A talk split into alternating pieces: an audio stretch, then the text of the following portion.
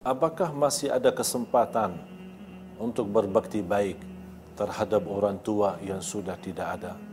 Artinya yang sudah dipanggil oleh Allah duluan, yang sudah meninggal dunia. Apakah masih ada kesempatan dalam ajaran Islam untuk kita bisa berbakti baik? Alhamdulillah, masih ada kesempatan. Dan taubatan nasuha, ikhlas, kita kembali kepada Allah Subhanahu wa taala, masih punya kesempatan untuk berbakti baik dengan dua amalan. Yang pertama, bersedekah. Bersedekah atas nama orang tua kita. Di mana saja berada. Sedekah seberapapun dan apapun, dimanapun. Saat anda bersedekah, walaupun sebungkus nasi untuk orang miskin, walaupun santunan sederhana untuk anak yatim, atau sedekah kita saat salat Jumat di kota amal, di masjid-masjid, jangan lupa saat anda menggerakkan sedekah itu, Ya Allah, aku mohon pahala sedekah ini untuk kedua orang tuaku, untuk ibuku, untuk bapakku. Karena di situ luar biasa manfaatnya bagi mereka.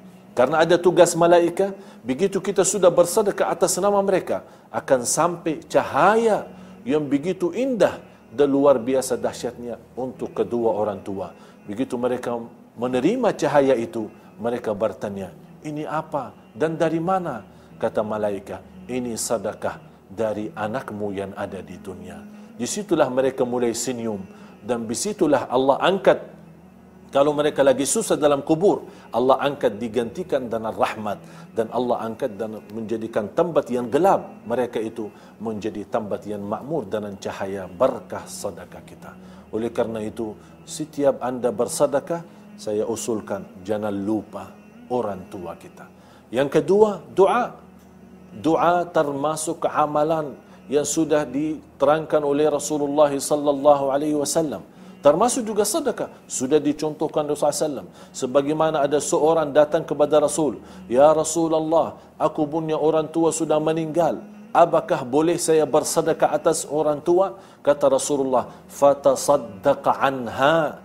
Ibunya sudah meninggal. Tapi Rasul membolehkan silahkan bersedekah atas nama ibu. Doa termasuk doa teramalan yang diijabah dan dikabulkan. Seorang anak yang salih yang mendoakan orang tuanya. Termasuk salah satu sunnah Nabi kita Nabi Muhammad sallallahu alaihi wasallam. Fantasinya setiap kita tahajud setiap kita berdoa dalam sujud setiap kita mengangkat tangan sebelum kita meminta hajat buat diri kita sebelum kita minta hajat buat keluarga kita sebelum kita memohon rizki untuk keturunan kita kita berdoa untuk kedua orang tua kita. Rabbi gfir lahuma warhamhuma kama rabbayani saghira. Setiap waktu tidak doa, setiap sujud berdoa. Saat turunnya hujan berdoa.